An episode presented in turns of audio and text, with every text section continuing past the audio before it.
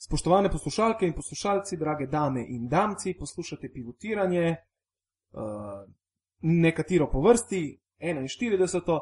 Za začetek naj vas spomnim, kaj se je zgodilo v eni izmed prejšnjih epizod. Tole je povedal Luka Basin.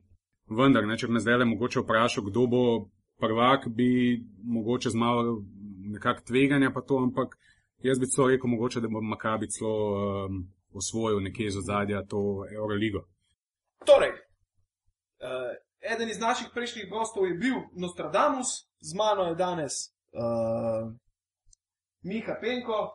Miha, kaj si, si ti mislil ob, ob uh, uh, Luketovi izjavi, ko je omenil, da bi malo riskantno stavil na Makabi? Je najprej lepo zdrav tudi z moje strani. Uh, v bistvu sem ga razumel, sem ga skušal razumeti, ker ni bil edini. V zadnjih dneh so se pojavljale takšne menje zelo pogosto. Uh, mogoče malce predrzno, ampak glede na to, v kakšni formi je bilo moštvo CSK v zadnjih dneh, je bila to ena smela, smela napoved, še posebej zaradi tega, ker se je igralo na tako imenovanem neutralnem terenu, ena tekma, ki seveda odloča o finalu. In ta teren v končni fazi niti ni bil tako neutralen, kot bi se zdelo, glede na to, da je bilo od 12 približno 7500 navijačev ali pa vsaj 7000 navijačev uh, Makabija, se pravi, to bila kar ena Nokia arena uh, v malem na prvi, prvem polfinalnem obračunu. Ampak kar se tiče izjave Luke, se je skazal kot en dober uh, prognozer ob vsem skupaj in je očitno, kot je sam rekel, ne, z, če se malce kockamo, gremo na Makabi. Uh, na koncu pa tudi zadev, sicer je odločila ena žoga in, in bi se mogoče lahko zgodba drugače obrnila in Makabi tudi ne bi bilo v finalu, ampak o tem mislim, da v naslednjih minutah bo povedala več kot dovoljne. Ja, drugače Gala danes ni z nami, je pa zaradi kronične spomladanske utrujenosti eh, opravičil svoj zastanek in pa poslal SMS z sporočilom, citiram, stari Tateo, Dosič in tri pikice. uh, če se ustavimo, se pravi, pri tej polfinalni tekmi med Makabijem in, in uh, CSK-jem. Uh, in če pogledamo pri CSK-ju sam poraz, ali bi se dalo s prstom uperiti na Teodosiča? Uh, ne, jaz mislim, da ne. Res je, da je, da je dobil zadnji koštaj Risa Rajsa prav preko njega, res je, da so ga košarkari Makabija prebijali eh, skoraj da, kadar so želeli, spom, ja, tako, ja. vsako minuto, da pač v obrambi je bil zares. Ampak, ampak to ni prvič, ne se Teodosič se ponovadi mal šeta. Točno tako, konec koncev se Teodosič tudi ni sam poslal na parket skoraj 28 minut v tej igri. Največja težava mislim, da je bila, da je CSK. Eh, pripotoval v, v Milano res brez tiste kemije, brez energije. Uh, konec koncev je, je CSK izgubil predtem dva obračuna proti lokomotivu Kubanu in se je to potem odražalo tudi na terenu. CSK, ki je imel 15 točk prednosti 51 sekund pred koncem tretje četrtine. Izid je bil 55-40, Makabi je bil brez igre, brez ritma, brez eh, tistega flowa navijačev. Se pravi, zdelo se je, da bo CSK z tako znano poimensko ekipo znal zadevo zadržati do konca, brez večjih težav, dejansko brez večjih težav. Potem sta zadela Blue in Hickman, ki je zadev trojko prav v zaključku tretje četrtine in to je že bila napoved najprej za navijaško vstajo na tribunah. Če si pa ti deset točk zaostanka pred zadnjimi desetimi minutami lahko bistveno bolj resno računaš na morebiten preobrat kot recimo 15 točk, kot je bilo nekaj sekund predtem. In tista trojka Kikmana mislim, da je bila izredno, izredno pomembna za Makabi, uh, ki je, naj še to dodam, ko smo že pri, pri samem zaključku tekme in pri Milošu Teodosiču kot enemu izmed krivcev, uh, drugič na tekmi povedal 5 sekund pred koncem tekme. Prvič je Makabi vodil 4 proti 2, drugič pa s končnim izidom, kot se je kasneje izkazalo 68-67 in Miloš Teodosič za moje pojme ne more biti edini ali pa tisti glavni krivec za poraz CSK-ja. Še tole bom rekel, zakaj konec koncev je Ettore Messina tisti, ki sestavlja mozaik in tisti, ki v igro pošilja košarkarje. Zdi se mi, da je preveč rotiral in premalo izkoristil napadalni potencial Kajla Heinza, igral je zgolj dobrih 13 minut. Vseh šest točk je dosegel, je dosegel na drugi napad, se pravi z neko priborjeno žogo v napadu. Ni se igralo pick and roll na njemu, ampak se je igralo sploh na začetku na Viktorja, eh, na, na Sašo Kauna. Saša Kaun pa se je še enkrat dokazal kot prvi strelec CSK-ja, ampak pozor, 10 točk je dosegel od prvih 12 točk CSK-ja. Ko se je obramba Makabija prilagodila, Saša Kauna ni bilo več nikjer, ob tem, da je Nenad Krstič prvič v igro vstopil v začetku druge četrtine, mislim, da v 11 ali 12 minuti in bil v tele drugi četrtini, če se ne motim, celo trikrat zamenjan uh, v tem obdobju. Torej, Ettore Messina ni dovolil, da bi se na nek način razigrali njegovi košarkari in če vse skupaj seštejemo, ob tem, da niso našli košarkarjev, ki bi zadevali trojke, Sony Wims recimo nič pet, Miroš Teodosič ena pet, s tem, da je tisto edino trojko zadev ob kontaktu in imel še dodaten prosti met, potem si lahko predstavljaš, kako je to izgledalo, je ta CSK imel tekmo pod kontrolo. Ali je to zdaj v mentaliteti, ali je to kaj več v glavah, je zdaj stvar debate, kajti CSK je že predlani v finalu proti Olimpijakosu zapravil podobno, podobno visoko prednost, mislim, da celo takrat 16 točk. 19. 19 točk, 19 točk. no. Ja, jaz bi se z vsem povedanim tukaj strinjal, uh, bi pa dodal še eno zadevo. Ne? Da, okay, če že uh, gledamo to z stališča CSK, -ja, iz stališča poraza CSK, -ja, absolutno tukaj se strinjam, da normalno, ob porazih je zmeraj krivec trener uh, in uh, tukaj se to še posebej odraža. Če samo pogledaš, zakaj med drugim tudi ni bilo kemije. V, v intervjuju za Mondo, ki ga je dal, mislim, da pred začetkom Final Fora, Krstič, ki je bil sicer bolj usmerjen reprezen, njegovemu reprezentančnemu udejstvovanju na Mundo Basketu, je gladko potarnal, kako ni zadovoljen letos z vlogo v moštvu in da prvič v življenju igra na poziciji krilnega centra. To je eden izmed bolj dominantnih centrov v Evropi, eh, človek z bogato mednarodno kariero. Verjetno tudi najbolj plačen center v Evropi. Verjetno tudi najbolj plačen center v Evropi, ja, uh, je nekako letos in že lani, čeprav lani manj, doživel močno degradacijo strani uh, Ettore Messine. Vsaj tako jaz vidim. Če ti enega takega majstra postaviš na štirico in ga menjavaš trikrat v eni četrtini in delaš z njim, kar hočeš, ne vem jaz, če to gre. Uh, uh, to mislim, da ne bi prenesel niti smodiš, kateremu je bil Messina drugi oče. Ja, se moram strinjati s tabo. Uh, Letos je In- Ettore Messina si sam pripeljal uh, uh, Kajla Hansa, ki ga, ki ga pač tudi ni znal izkoristiti. To je dvakratni ne zaporedni evropski prvak. Ne? Dobro, Jeremy Pargo je že, že svojo zgodbo, ima dvoletno podpisano pogodbo, v polfinalu ni igral niti minute, mislim, da tudi njemu ni, ni jasno, kaj točno počenja v, v Moskvi. Ne. Ne, eh, tukaj še enkrat bi se na, na, na, navezal na to, da recimo se je tudi Luka že v 39. epizodi lepo povedal, eh, kako močno šablonski trener je Ettore Messina. Ne? In eh, če pogledaš v preteklosti, ja, njemu je ta šablona delovala. Ne? Ko je prvič popeljal CSK do naslova evropskih prvakov, je nekako prišel v izjemno dobro selektirano ekipo, ki jo je, sicer se to žleht sliši, ampak je bi ga res je, selektiral Dušan Jivkovič. Ne? Ja. Uh, v ta mozaik si je pripeljal še Matjaža Smodiša. In, in uh, Matjaž Smodiš, jaz mislim, da pa še lahko v praktično katerkoli mozaik na svetu, ker je dovolj inteligenten igralec, da zna svoj ego potlačiti, razume potrebe in, in konec koncev je tudi celo življenje igral pod Etorjem Messino. No? Se strinjam, meni se tudi ni zdelo, da bi Kajl Heinz kazal uh, kaj prevelik ego vsem skupaj, ampak če ima en uh, Nenad Krstič manj kot 16 minut minutaže na tekmi polfinala, se meni zdi, oziroma 15 in pol, se meni zdi nekaj hudo, hudo narobe. Kajl Heinz, ki pride z dvema naslovoma, pa 13 minut in 26 sekund, pa prav tako. Ja, ja.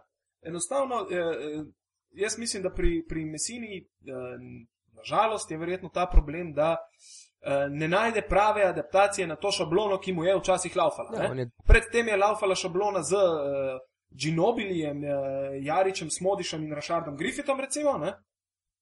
Ampak. Eh, Ja, mislim, da s takimi igralci ti lahko laufa katerakoli šablona. Ja, je pa, je pa trmas, ne, je svoje glavo, ampak to ga je pripeljalo, mislim, da do devetih uh, finale že uh, Eurolige. Sigurno, tako da, sej, sej, z, z, z, tega, z te strani ga tudi razumem, zakaj ne popušča, ker mu je toliko let ta sistem nosil rezultate. Ne? Ampak je razlika imeti za uh, playmakerja J.R. Holdena in pa Lukasa ali pa Teodosiča, ne? ki uh, uh, roko na srce umenjalo se, se je sicer, da je igralec za velike tekme, vendar lahko naštejemo na prste ene roke dve njegove veliki tekmi. Ena je bila proti Sloveniji v polfinalu Evropskega prvenstva in druga je bila v, v, v četrt finalu proti Španiji, kjer ga celo tekmo ni bilo, na koncu pa je fuknil na trojko preko Garba. Se Miloš Teodosič bi, bi mogel CSK zapustiti že po lanski sezoni ali pa že med lansko sezono, kot je predsednik kluba Andrejeva tudi in tudi omenil zdaj v Milanu. Pa je razlog njegova plača. Seveda se ni želel odreči svoje visoke plače, noben klub pa mu ni želel toliko ponuditi ko so videli, za ja. kakšnega košarkarja gre. Uh, Teodosiču se zdaj izteka pogodba, bo prosti igralec in po vsej verjetnosti odhaja v Anadolu Efes k Dudi Ivkoviču, ki bo očitno prevzel ta klub. Uh, Zdaj je vprašanje, kaj bo z Vladimirjem Micovim, ki mu je prav tako pogodba potekla, oziroma mu poteka po letošnji sezoni. Krstič ima še eno sezono in bo tudi verjetno. Plus ena, Krstič ima plus ena. Plu, ja, pravi, zelo razmišlja o tem, ali, ali ostane v, v Moskvi ali ne. Vprašanje bo tudi, kdo bo trener.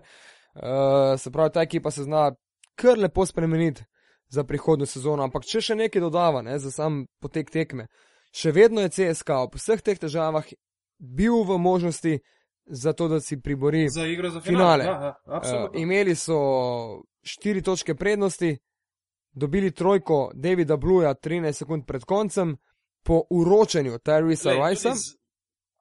Tako, in tudi zadnja akcija je, je bila na koncu. Po trojki so imeli timeout, Uh, imeli so timeout, ker so se, prepričan sem, dogovorili, kako bodo zadevo izpeljali. Imeli so točko prednosti, imeli so napad, imeli so možnost uh, koša ali pa zadržanja žoge. Makabi je igral na osebno napako, ampak je izpustil krijapo. Krijap je žoga šla skozi roke in padla v koleno, se srečno ali le srečno, odvisno z katerega zornega gled, eh, kota gledamo, odbila naravnost v roke Davidu Bluju. Ta je našel Tarisa Rajsa, ki je šel proti napad in položil prek Miloša Teodosiča tudi iz kontakta. In tak nor koš, ampak v njegovem slogu v zaključku letošnje sezone. Ob tem je ostalo še 5 sekund, ko so Rusi izvajali žogo izpod koša, jo, jo prenesli preko sredine, prišla je podaja. Wimsa, odprtega. Sony Wims je pa odigral verjetno najslabšo tekmo v zadnjih treh mesecih in vrgel še peto trojko mimo. Nič pet trojke Wimsa, dve osem za dve točki, košarkere, ki je v playoffu blestev. Tudi tule oh. lahko iščemo razlog, sicer bi CSK igral v, v finalu. Se pravi, ogromno nekih zadev se je poklopilo, da CSK je tam pač ni. Zdaj, če so si zaslužili ali ne, pa druga zadeva. Tisti, ki verjame v te nadnaravne sposobnosti in, in neke energije in tako dalje, bo pač verjetno našel tukaj tisto negativno zadevo, uh, ostali pa lahko rečemo, da je CSK še vedno bil daljen eno žogo od finala. Tako, če nadaljujem tukaj, uh, to niso vse kockice, ki so se morale zložiti za napredovanje Makabija. Še vedno je tukaj največ zaslužen, mislim, da ravno trener zmagovalne ekipe, se pravi David Blatt, ki, če se ga spomniš, mislim, njegova filozofija je zmeraj bila, on je izjemno fanatično in energično vodo tekme. Uh, Spomnim se recimo, ko je Union Olimpija igrala v top 16 fazi Eurolige z Makabijem in je sredi stožic so trgali Olimpijo, mislim, da že za ene 35 točk razlike. Ti si gledal Davida Bleta ob parketu, on se je drl in spodbujal na te igralce in skakal energično, kot da lovijo priključek na dve piki v tekmo. Ja. Pri njemu ni nobene razlike, ali ti vodiš za 40 ali ti izgubljaš za 40. Zmeraj zahteva tisto fanatično borbenost. Ne? In, in nekako lani, ko so izpadli v četrt finalu in izgubili 3-0 v seriji z Madridom, so vsi nekako pričakovali ali remont same ekipe ali celo menjavo trenerja. Nekaj časa je David Bled visel na nitki, ne? pa je podaljšal pogodbo in na začudenje vseh obdržal popolnoma enako okostje ekipe. Se pravi, je smatral nekako, da je uh, karakter teh igralcev primeren in letos jih je uspel dvigniti v četrt finalnih tekmah, kjer so se vrnili tudi po zelo velikem zaostanku na prvi tekmi z Milanom, sredi Milana in tisto tekmo pripeljali do konca. Na, na fanatično borbenost v zadnjih dveh minutah, kjer so nadoknadili, da mislim, da 12 točk razlike in večino točk dosegli z meti za dve točke, ne pa s trojkami. Ne bi rekel, da je bila to neka fanatična, srečna vrnitev. Ne? Ja, in ja, absolutno. Podoben stampedo so uprizorili proti eh, CSK-ju in podoben stampedo leda uh, hitreje, potem v finalu proti Real Madridu, kjer so pa v, v podaljšku enostavno preklopili še prestavo više in na psiho sesuli sceno. Ne. Makavi ima to kemijo v ekipi, dobro razumevanje, ima trenerja, kot si rekel, ki je za moje pojme trenutno najboljši trener v, v Evropi, ne glede na to zmago v finalu, bi, bi sam tako trdil. E, trener, ki, mi, ki mi je zelo všeč po svoji filozofiji in svojem obnašanju ob robu igrišča, ki vedno razmišlja za jutri, za pojutrišnjem, ne pa z uspehom ali pa neuspehom, s katerim se živi tisti moment. E, trener, ki je pozitivno razmišljal že pred zaključnim turnirjem četverice in ki je ekipo, jaz sem jih poimenoval kar odpadnikov, spravil skupaj, da so pokorili celo celotno Evropo prvič po letu 2005.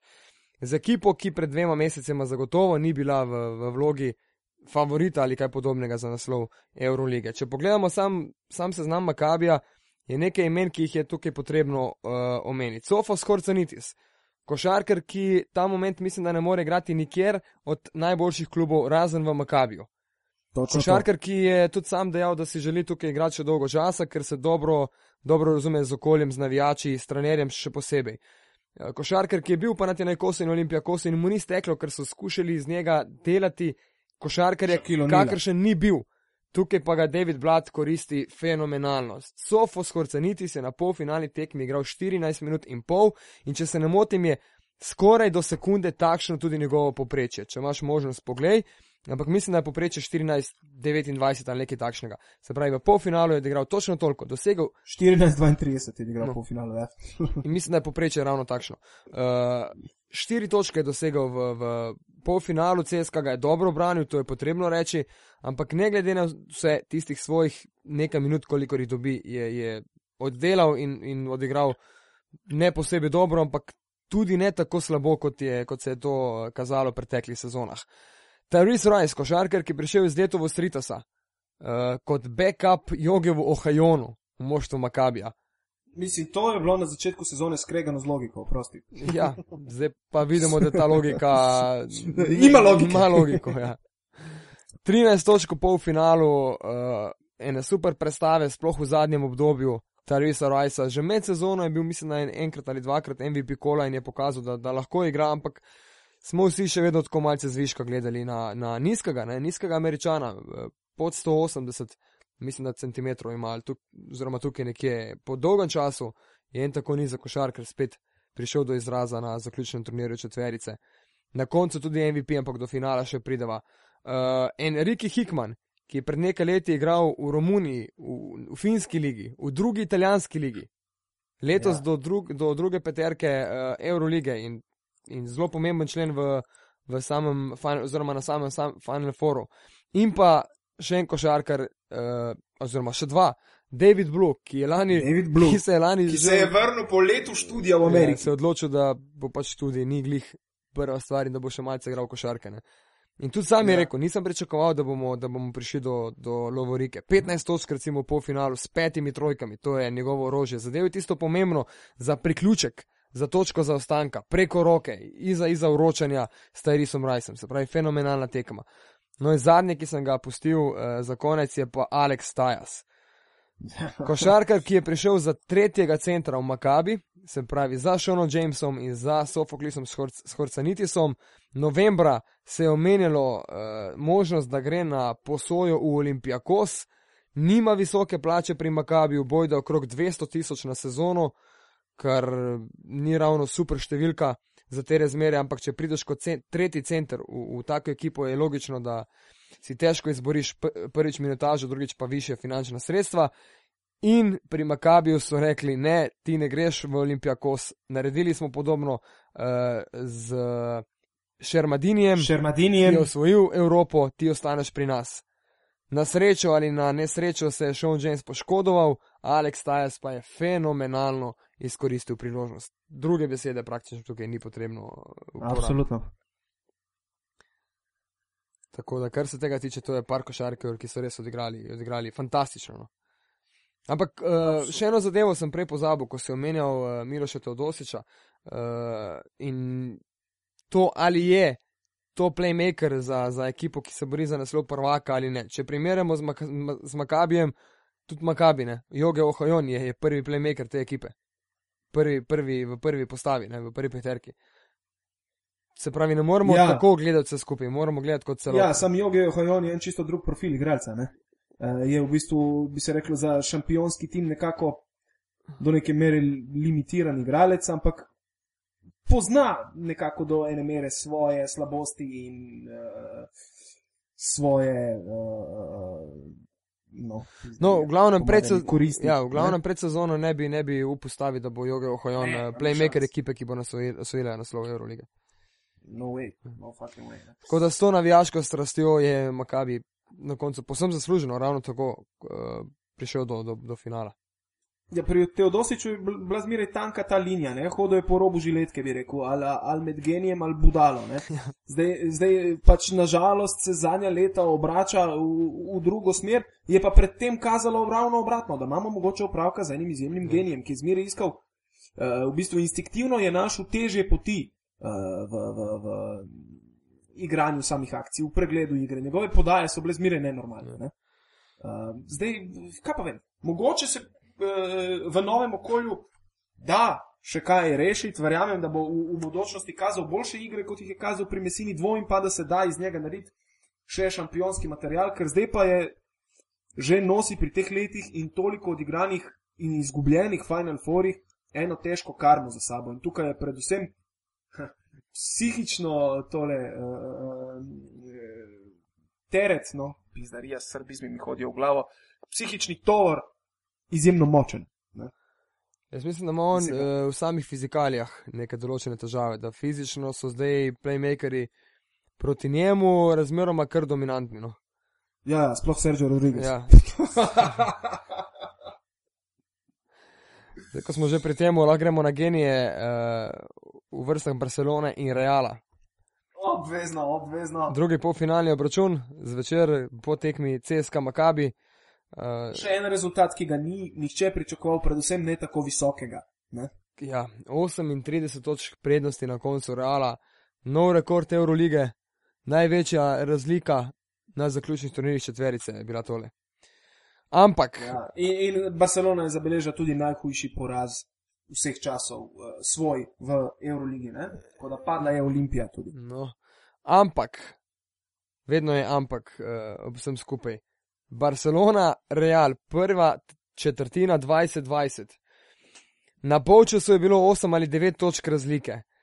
15 minut do konca je še bilo 9 točk razlike, kar pomeni, da ta Real je bil dominanten, ampak ta občutek, ki je ostal, je pač posledica zadnjih 14 minut. Mislim, da je v tem obdobju Real bil boljši s kar 44-15 ali nekaj podobnega. Uh, košarkari Barce so nehali igrati, mislim, da realna razlika seveda je nižja, kot je bila tukaj.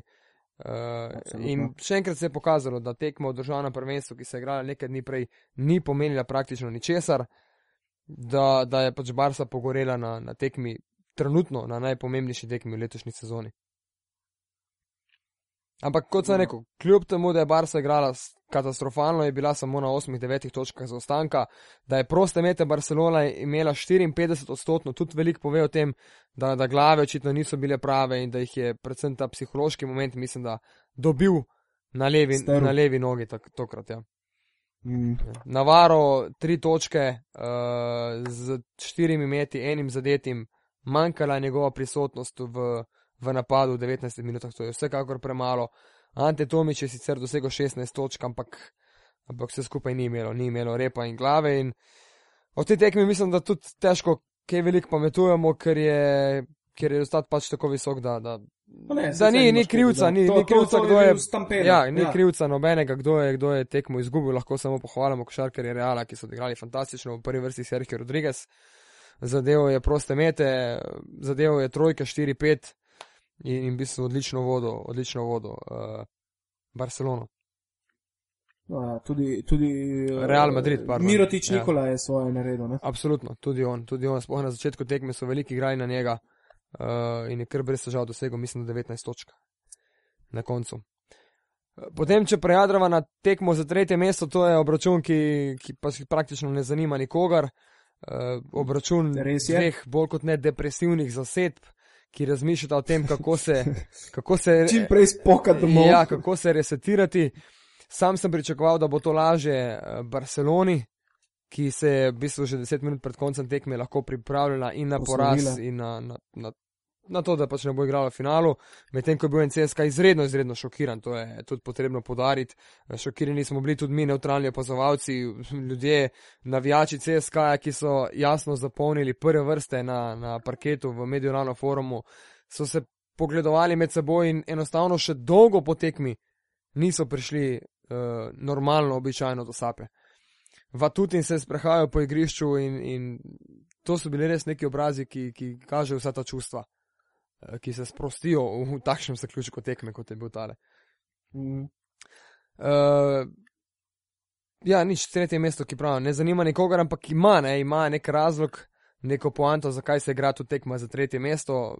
Zgodba je vezana na, na finance, uh, zgodba je vezana na samo vodstvo tekmovanja in na Euroligo in zelo enostavna računica.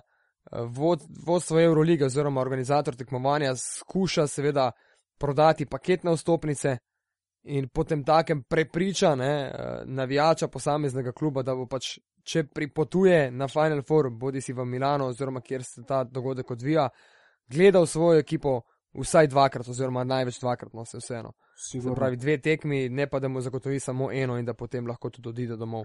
To je Mhm. nek catch v vsemu temu, zakaj se pravzaprav igra še tekma za tretje mesto. Tekmo za tretje mesto je na koncu uh, dobila ekipa Barcelone s 93-78. To sem mogel zdaj prav še enkrat pogledati, ker se nisem spomnil. Uh, ja, lani je sicer CSK slavil 74-73, če me vprašaš, kdo je bil tretji pred lani, pa mislim, da že nihče več ne ve. čakaj, čakaj, čakaj, čakaj. Pa se v bistvu je vseeno, to se, to se ne, ne, spominjajo se zmagovalci, zmagovalci pišejo. Spomnim se, kdo je bil tretji leta 97. No. Dvomim, da se bodo navijači bar se z veseljem spominjali letošnje sezone. No. Mislim, da je bila takrat tretja Barca, izpadla je z Olimpijakosom, na drugi No. strani je pa. Uh, ja, seveda, na drugi strani je pa Panathinaikos z Željkotom izpadel uh, proti uh, CSK. Ne? No. In potem je še za tretje mesto zgubil Željko za CSK. Evo, evo, z Panathinaikosom. Ima, Dobro. CSK je rad tretji, očitno. No. Ali prvi ali tretji. Ja, Real Madrid pa očitno drugi, ne? drugo leto zapored. Jo, jaz ne vem, kako se bo to obneslo. Mislim, da mora biti vodstvo Reala verjetno kar precej nervozno ob takem zatiku. Ne vem, koliko je v nevarnosti stolček Pabla Lasa. No, Uh, točno, Ker nekako državno prvenstvo, zmago v državnem prvenstvu, verjetno vsi na glas pričakujejo, vključno z menoj. Uh, ni pa nujno, kako se jim bo moment zdaj obrnil po tej tekmi. ne? točno to. Jaz sem tudi s kolegoma, ko smo odhajali uh, po finalu domov na, na metroju v Milanu, eh, razmišljal ravno v tej smeri. Kako bo to pritisnilo na sam ego Pabla Lasa, ki je velik gospod, ki je lani preživel tisti poraz v, v, v Londonu, uh, ko se je zdelo, da je pač letos vendarle vse zato, da ga Real osvoji, zato, da ga osvoji ekipa, ki igra najatraktivnejšo in najboljšo, oziroma ne najboljšo, najlepšo košarko, najmodernejšo košarko v Evropi, ko se je zdelo, da je pač lažje igrati proti Makabiju, če že izbiraš kot proti CSK-ju, ki ima še višji proračun kot ti in izvrstne košarkarje, pa se je potem zgodba obrnila povsem, povsem drugače. Prvič po letu 69 se je finale odločal uh, po podaljšku. Podaljšku. Uh, izraelski mediji pravijo, da je to zgodba o pepelki, kjer pa spet lahko govorimo, Ki se je zgodila tretje leto zapored. ki, ja, kjer pa spet lahko govorimo o več kot izvrstnemu Tyreesu Riceu, ki je bil na koncu izbran tudi za, za samega MVP-ja. Se spomniš ti Tarisa Rajsa, mogoče v dresu črnogorske reprezentance? Ne, spomnim se Jaz ga pri letu v Sritusu, pri let- letu v Sritusu se ga še spomnim, uh, to pa res ne. Točno to. Jaz se ne spomnim ene akcije Tarisa Rajsa v dresu črnogorske reprezentance. To, kar ima Makabi, tega se ne da kupiti. Ne. To imajo to vero, imajo to združeno moč, imeli so še več navijačev, preko 9000 eh, vstopnice so se prodajale kot za šalo. eh, Na avtobusnih postajah pred dvorano, na metroju so, so ljudje stali z lističi, need tickets in, uh, in kupovali določene zadeve. Uh, se pravi, če bi bila dvorana večja, če bi bile vstopnice na voljo, bi bilo rumene vojske še nekoliko več. Na tribunah so pa to dosti miroljubni navijači, nobenega posebnega incidenta. Tri prižgane bakle, takoj pred začetkom tekme. To je Jo, bilo to sem videl, ima kakšne bakle, to so bile prskalice. Ja, prav, prav, prav nič posebnega. no. Jaz sem tudi v bistvu, ker Ja. so se valjda oni tleh zadržali po tekmi v dvorani. Uh, Mediolano forum pa je zgrajen na obrobju Milana, praktično že na drugi strani obvoznice in je to zadnja postaja tudi za sam metro, kar pomeni, da smo potem domov odšli kako uro po tekmi, uh, sam z novinarskimi kolegi in pa približno 9 ali pa 8 tisoč rumeno obarvanih navijačev Makabija. Italijani so tukaj se vsaj približno bolj organizirani kot pri vsem skupaj, ampak o tem organizatorskem haosu ne bom niti razpredal, ker je tega bilo praktično na vsakem koreku, ko- koraku velik. Uh, ampak nobenih težav, nobenih težav na, na metroju, uh, pelo se je, rajalo tudi v samem vagonu, potem je bilo kar zelo veselo, no. kar se tega tiče. Si še? Skratka, tukaj sem, tukaj sem. Ja, ne, če pa greva na samo tekmo, eh, pa par zanimivosti. No. Tyrese Rice je sicer bil MVP, povsem zasluženo, ampak zanimivo, da je, jaz mislim, da celo večji del, pa zdaj malce špekuliram, uh, novinarjev glasovalo celo za Devina Smitha.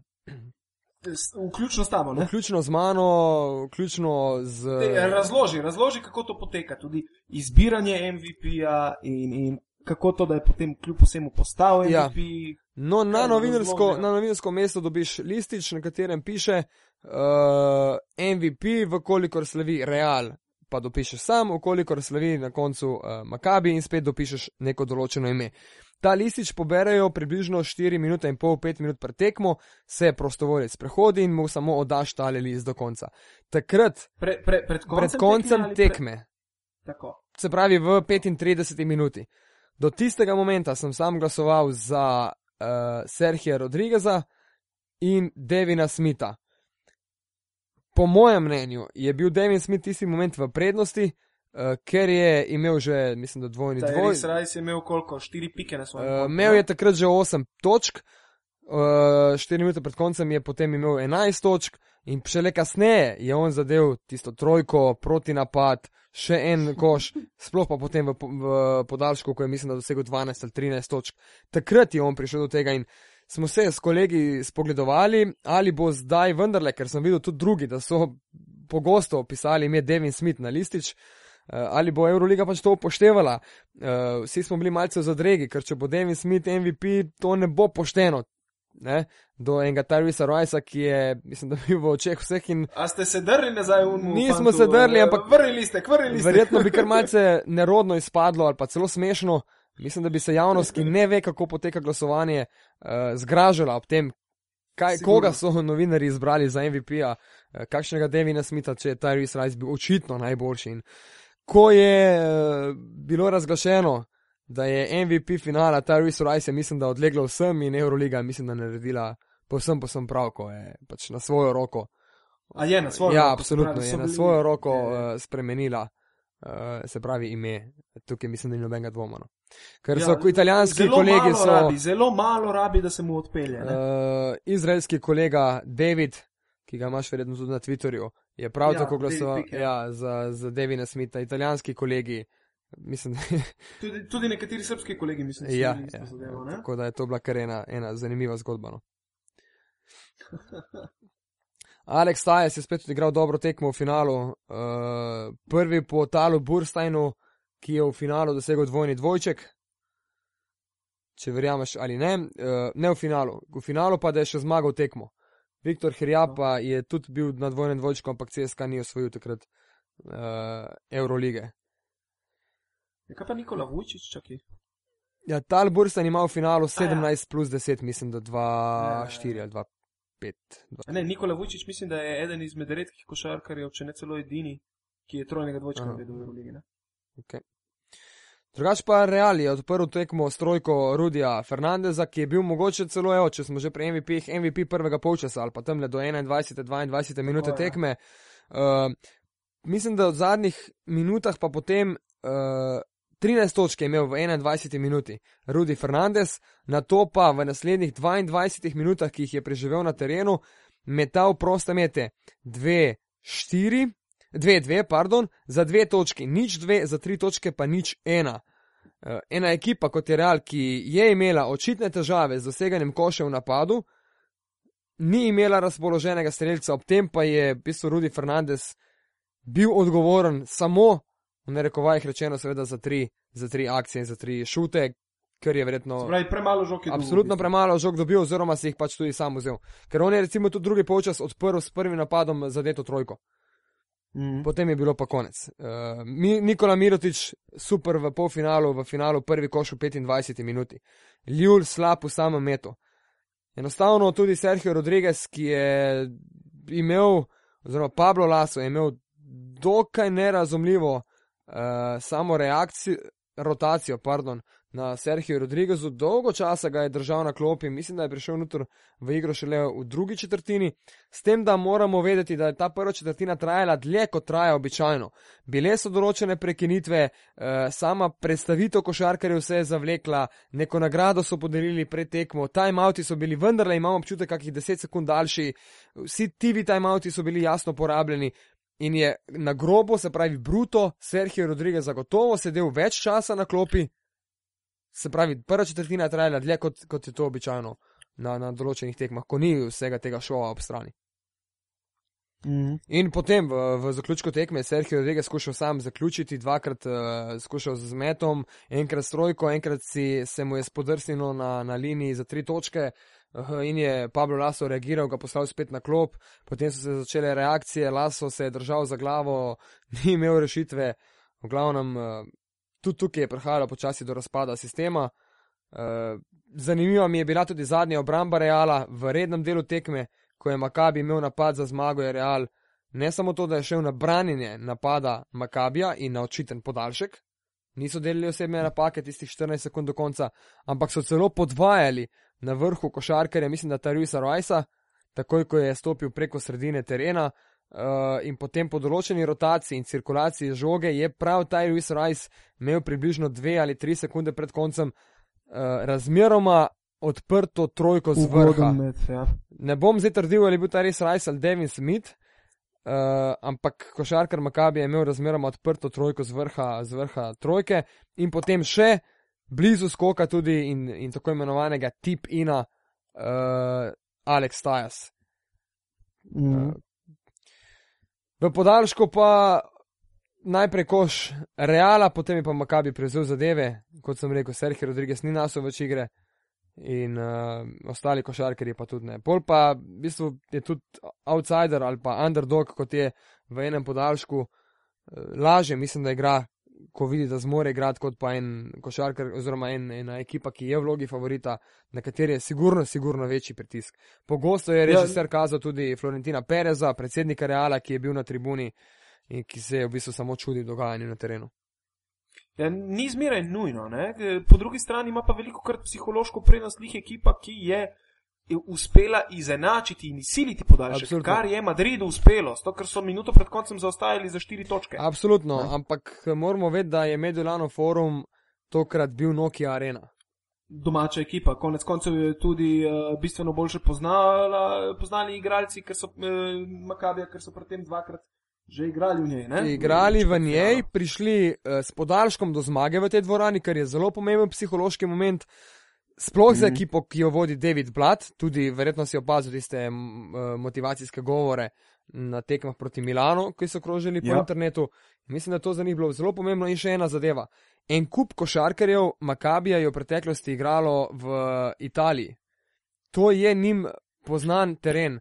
Uh, mislim, da so štiri ali celo pet košarkarjev v preteklosti že igralo v Medulano forumu. Omenil sem Rikija Hikmana, ki je igral v italijanski ligi, Devina Smitha, um, Aleksa Tajesa nedolgo tega.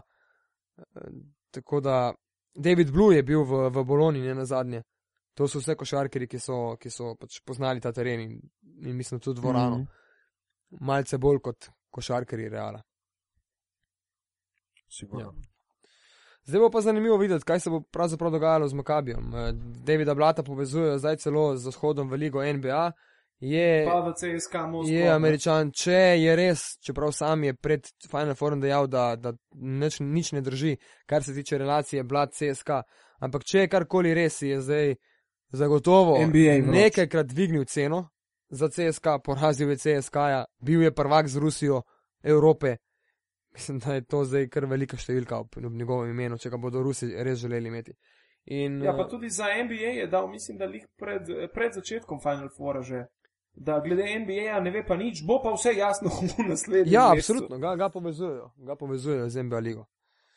Uh, tako da je izredno vroče ime. Sam je dejal, da bo skušal Davida Bluja še prepričati, da igra še naprej. Uh, Nego šta. ja.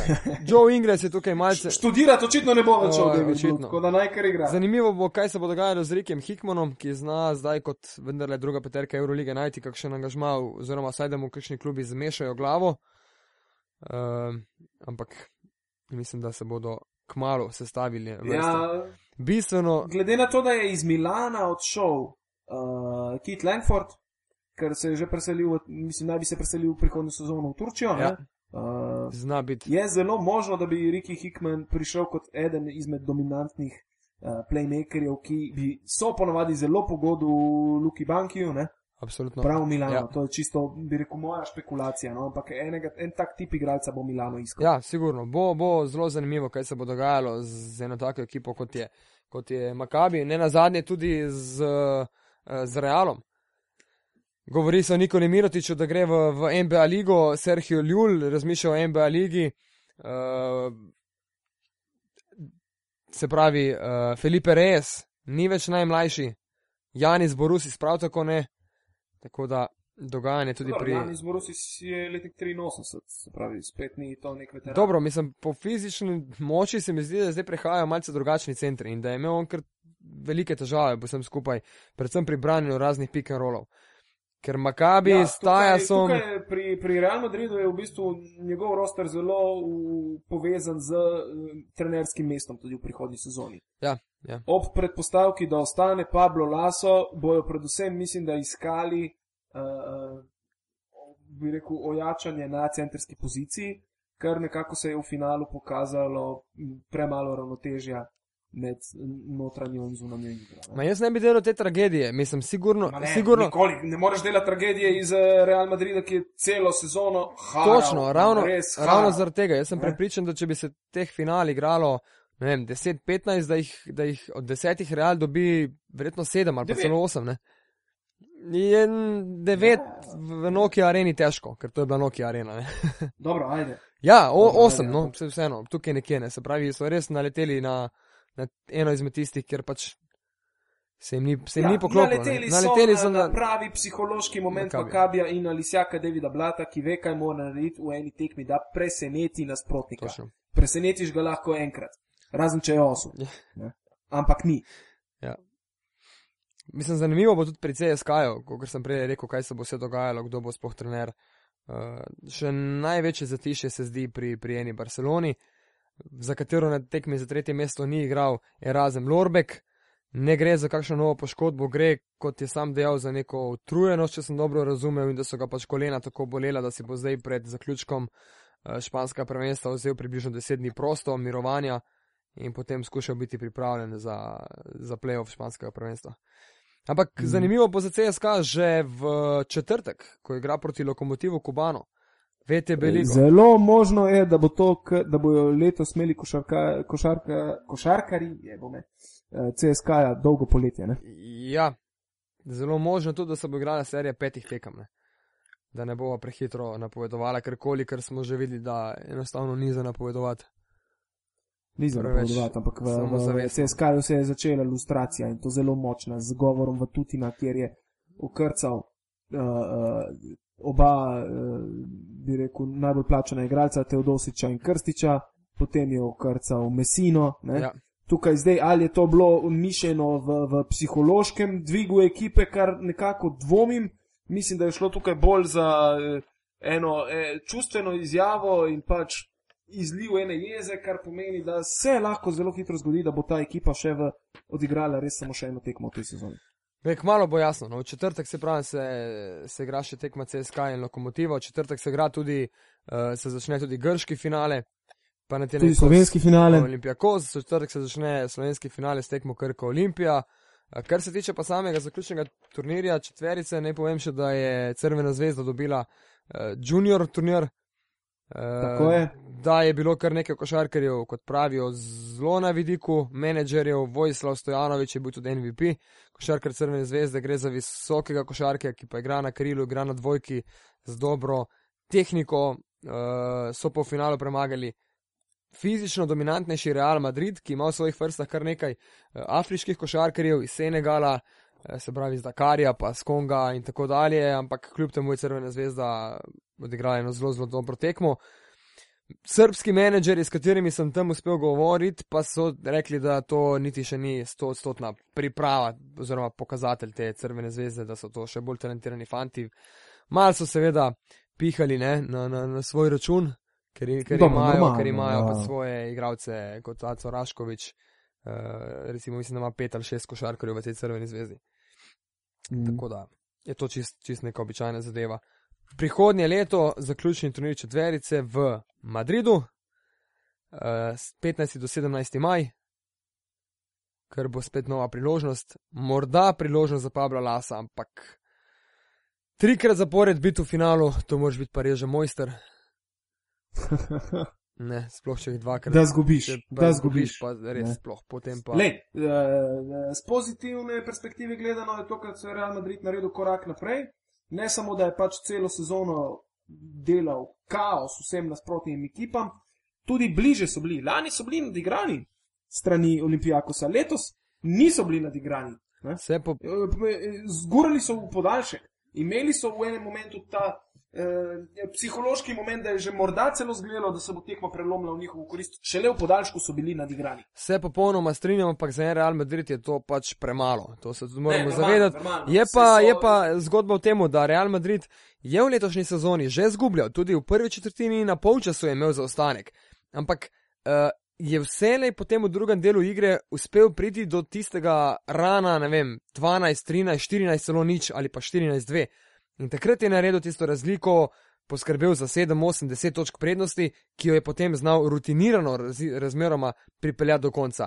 Tokrat Real ni prišel do, do takšnega delnega izida, da bi se mu te zadeve poklopile uh, med seboj. Ne?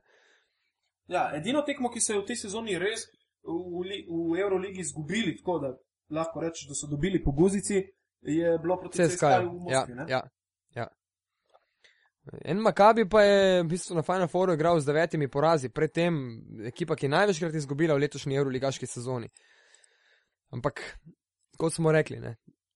Moraš Mhm. biti tam, moraš izzivati srečo in je na koncu tudi malo menilo. Ampak za, za Real v prihodnem letu mogoče spet priložnost na domačem terenu, Palas de Leportes, uh, velika dvorana, mislim, da okrog 16 tisoč gledalcev sprejme, kjer bo Madrid zagotovo imel prednost domačega igrišča eh, v smislu navijaške podpore, če se bo na Final Four seveda uvrstil, v kar v Madridu ne dvomijo. Še ena zanimivo za prihodnost. Tudi v Barceloni niso pred leti, Čavi Pasqual je celo izdal knjigo Pot na Final Four in potem, jo, in potem je knjiga išla po izpadu v četrtfinalu. No, fajn. Ne? Sicer pa, kar se tiče še ostalih zadev z Euroligo, uh, Siena je za prihodno sezono brško ne out, kar pomeni, da bodo Italijani imeli še naprej dva predstavnika, uh, ampak brez to ne bo Siena, ki ima te finančne zadeve, Reče Emilija. težave. Euroliga razmišlja o tem, kako bi spremenila sistem, da bi tudi iz Eurokupa lahko druga in tretja ekipa prišle nekoliko laže na, v, v Euroligo samo. Ker je, Kini ta licence. in to bo zelo težko, to bo mislim, da to je Vem, nemogoče. Predvsem gre zaradi privatne strukture. Ma počasi se zadeve spremenijo. Tudi tisti, ki imajo A licenco, zdaj niso več tako čvrsti, kot so bili, uh, oziroma čvrsto zagotovljeni v, v Euroligi, kot so bili v preteklih sezonah. Določeni premiki se, se dogajajo tudi na tem področju. No. Zdaj bi morala priti verjetno eh, redefinicija samih licenc. Mislim, Dej, veliki klubi okay. Želijo igrati z velikimi klubi, to je meni posebno uh, logična zadeva. Eh, Tukaj ni sentimentalnosti, tukaj ni uh, glasovanja, da bi mali klub imel, oziroma vsi mali klubi imeli enako moč, kot jo imajo veliki klubi, kot, to, kot je to primer v samem nogometu in je, mislim, da o tem tudi brez veze razmišljati Ja, ja, ja. v, v takšnem sistemu. No. Ok, Tako da- sam še to mi povej. Uh, sva še karkoli pozabila pri Euroligi. Uh, mislim, da smo povedali kar veliko, tudi za dosti. Bilo je veliko dogajanja v, v Milanu. Uh, dobro, haos z organizatorji je klasičen v Italiji. Hrana je bila, hrana, hrana je bila dobra, večinoma past, Ženske zrihtane. pasta in pastičo v, v pre, medijskem centru. Uh, same tiskovne konference so tudi predvajali po, po spletu, tako imenovane live streame, se ja, pravi. v živo si bili. Ja, se pravi, se je dalo marsikaj spremljati, marsikaj videti, eh, tudi te fancone gredo naprej, bile so dobro obiskane, eh, kar se tega tiče, mislim, gre na boljše. Še vedno vprašanje, kaj bi bilo, če ne bi bilo navijačev Makabija, potem bi tudi te fancone bile več kot pol prazne, ker eh, roko na srce ena ekipa Barcelone pripelje izredno malo število navijačev, ena ekipa Reala nekoliko več, Rusi pridejo dejansko na, na bogati izlet in se v teh fanconah ne družijo tako pogosto, oziroma popivajo ali kaj podobnega. In so v bistvu bili navijači Makabija tisti, ki so držali ritem nad celotnim dogajanjem v mestu. Dramski premor. Eh, Čez dva dni se začne finale Slovenske lige. Mm, Precej kratek roster in eh, ogromna lista poškodovanih igralcev pri Union Olimpiji. Eh, po- Na drugi strani Krka nekako, niti ne bi rekel v nekem blaznem usponu forme, ampak kaj pa vem, tudi na toplo-hladno relaciji. Kaj lahko tukaj pričakujemo? Pa težko bi sploh se postavil na eno ali pa na drugo stran. Dejstvo je, da ima Olimpija te težave s poškodbami, ki so očitne, da nimajo zdaj dobre zamenjave na, na poziciji 3, da igra celo Joksimovič, da igrata na enki in dvojki skupaj, pogosto, to je preko 30 minut, tudi Ru- Marinelli Rupnik in. Marineli, to ni bilo predvideno pred sezono in da Olimpija med, ja. pluje kot pač pluje v, v tem momentu. Mislim, da ni brez možnosti, uh, je pa vsekakor krka v, v vlogi favorita in kot je zadnjič v enem izmed intervjujev Dino Murič lepo, lepo poslal žogico v novo mesto. Uh, ko se kar malce razjezel, rekel je, ne more biti Olimpija favorit, Krka je štirikrat zapored eh, prvak, bila je pred nami v letošnji sezoni, Krka je favorit in naj to vlogo sprejme. Mislim pa, da v novo mesto lepo mirno so v preteklih sezonah to vlogo pošiljali še naprej v Ljubljano, se s tem otresli pritiska, vzeli štiri ne, zaporedne naslove, če se ne motim. Uh, je. in uh, tudi v letošnji sezoni, vsaj odkrito, ne sprejemajo z velikim navdušenjem vloge favorita, ampak ja, absolutno je na krka, So more biti Tu- favorit, tu- tu ni ima prednost domačega igrišča, ima izkušene igralce uh, z nekim miksom mladosti. Za moje pojme ima mora biti celo najboljšega košarkarja ta moment uh, v teh dveh ekipah, Jako Klobočarja, ki igra odlično, poleg tega, da tudi Edo Murič lahko da svoje na teh pozicijah, uh, se pravi, Krka bi enostavno to na nek način morala. Morala. Predvsem tudi spremljanje domačega igrišča. Vemo, da bo v novem mestu vroče, ne tako kot bi to bilo v Beogradu, ampak uh, novomeščani se znajo napaliti. Za, za slovenski derbi je zmeraj. Novomeščani se vedno tiče, no. napalijo na Olimpijo in uh, ne, bo, ne bo lahko, absolutno ne bo lahko Olimpiji, uh, ki pa prednosti domačega igrišča, kakšne posebno velike, sigurno ne bo imela. Mhm. Tukaj mislim, da bo predvsem igra Olimpije normalno. To se je videlo že proti Heliosu, ravno zaradi podhranjenosti na zunanjih pozicijah. Bo zelo odvisna, eh, v bistvu njeno ravnovesje bo odvisno od tega, koliko bodo prispevali sami centri. Ne? Uh, zdaj tudi nekako Smiljan Pavič je precej dvignil formo, odkar je začel igrati v državnem prvenstvu. Vprašanje je, ali lahko Smiljan Pavič fizično parira predvsem Aleksu Stefensonu. Uh, kar se pa tiče Alena Omiča, pa mislim, da ne vem, nekako se je zgubil v zaključku sezone, se morda motim. Mm, Ne, ne mislim, da se ne motiš. uh, Glede na to, da v zadnjem času je zelo, Imel je zelo. svetle momente v, v Abu Leigi, hvalili smo ga Točno. ne, in, in videli njegov napredek. Zdaj pa nekako se mi zdi, namesto da bi naredil ta preboj in pokazal neko fizično dominantnost in tudi tehnično dominantnost v slovenski ligi, pa burek pizde. Ja, glede na to, da, da bi se rad prodal v, v kakšno finančno močnejšo sredino, da bi tudi piši propalo. da bi tudi Olimpija rada verjetno kaj tukaj iztržila. Uh, je zdaj na njemu, da pač v, v tej seriji pokaže ne enkrat, ampak trikrat boljše igre, kot jih je kazal v zadnjem mesecu ali pa dveh. Absolutno, absolutno mora tukaj pokazati, mora biti lider. Jaz mislim, da mora biti on Lider, če želi, če želi, je, se pravi, mogoče razmišljati, vsaj razmišljati o nekih drugih variantah. Ker tako blede in sila poprečne predstave, kot kaže v zadnjem času, bo premalo, tudi za, za, za Olimpijo bo to zelo pomembno. Ker trenutno, če pogledamo, evo, liderji obeh ekip. Lider v tem trenutku pri Olimpiji je Dino Murič in ob bok se mu vsake toliko pač z različnimi momenti postavi še kapetan eh, Drobnjak. Ne? Ampak pri Dinu Muriču samem je pač, eh, bi rekel, v tem trenutku problem eh, nekako njegova ja, napadalna omejenost. Ne? Eh, ima način, bi rekel, iskanja koša, se pravi z po domače povedano, na basketu smo to zmeraj rekli, guzanjem. Uh, in uh, mislim, da tudi proti Krki bo dal nek svoj doprinos, ampak zdaj pa ekstremni številk pa od njega ne moreš pričakovati, da bo pa sam vlekel to ekipo. Ne? Ni to igralec z uh, napadalnim arsenalom, pretiravam tipa uh, Nikola Mirotič, niti Marko Milič. Ja. Tako da po drugi strani bo pa Olimpiji ravno tukaj največ težav pre, povzročal Jaka Klobučar, in ne dvomim, da tudi Sani Bečirovič je ipak ne glede na fizično formo le eh, košarkar čiste kreacije, ki lahko v takih momentih pokaže, kaj zna, pa tudi če, če ne bi nič treniral. Sani, ki je imel ravno, mislim, da včeraj resni dan, uh, ker mu lahko vočemo vse najboljše Sani. Vse najboljše Sani. Uh, sani lahko odigra tisto eno tekmo, ki je zelo pomembna, naredi nekaj potez zapored, In je to, je to dovolj. In, in te ubijo lani, če se, ubijo lani, če se ne motim, je Matjas Modiš odigral najboljšo tekmo ravno zadnjo, ko se je potem dvigala na peto tekmo. Dvigala tudi kanta. Se pravi, je, je nekaj podobnega pri njemu. Ima krka, ima širši spisek uh, košarkarjev, kar pomeni, da, da lahko tudi drugi določene zadeve dajo in potem na tisti najpomembnejši udari še sani in je, in je zgodba, zgodba polna.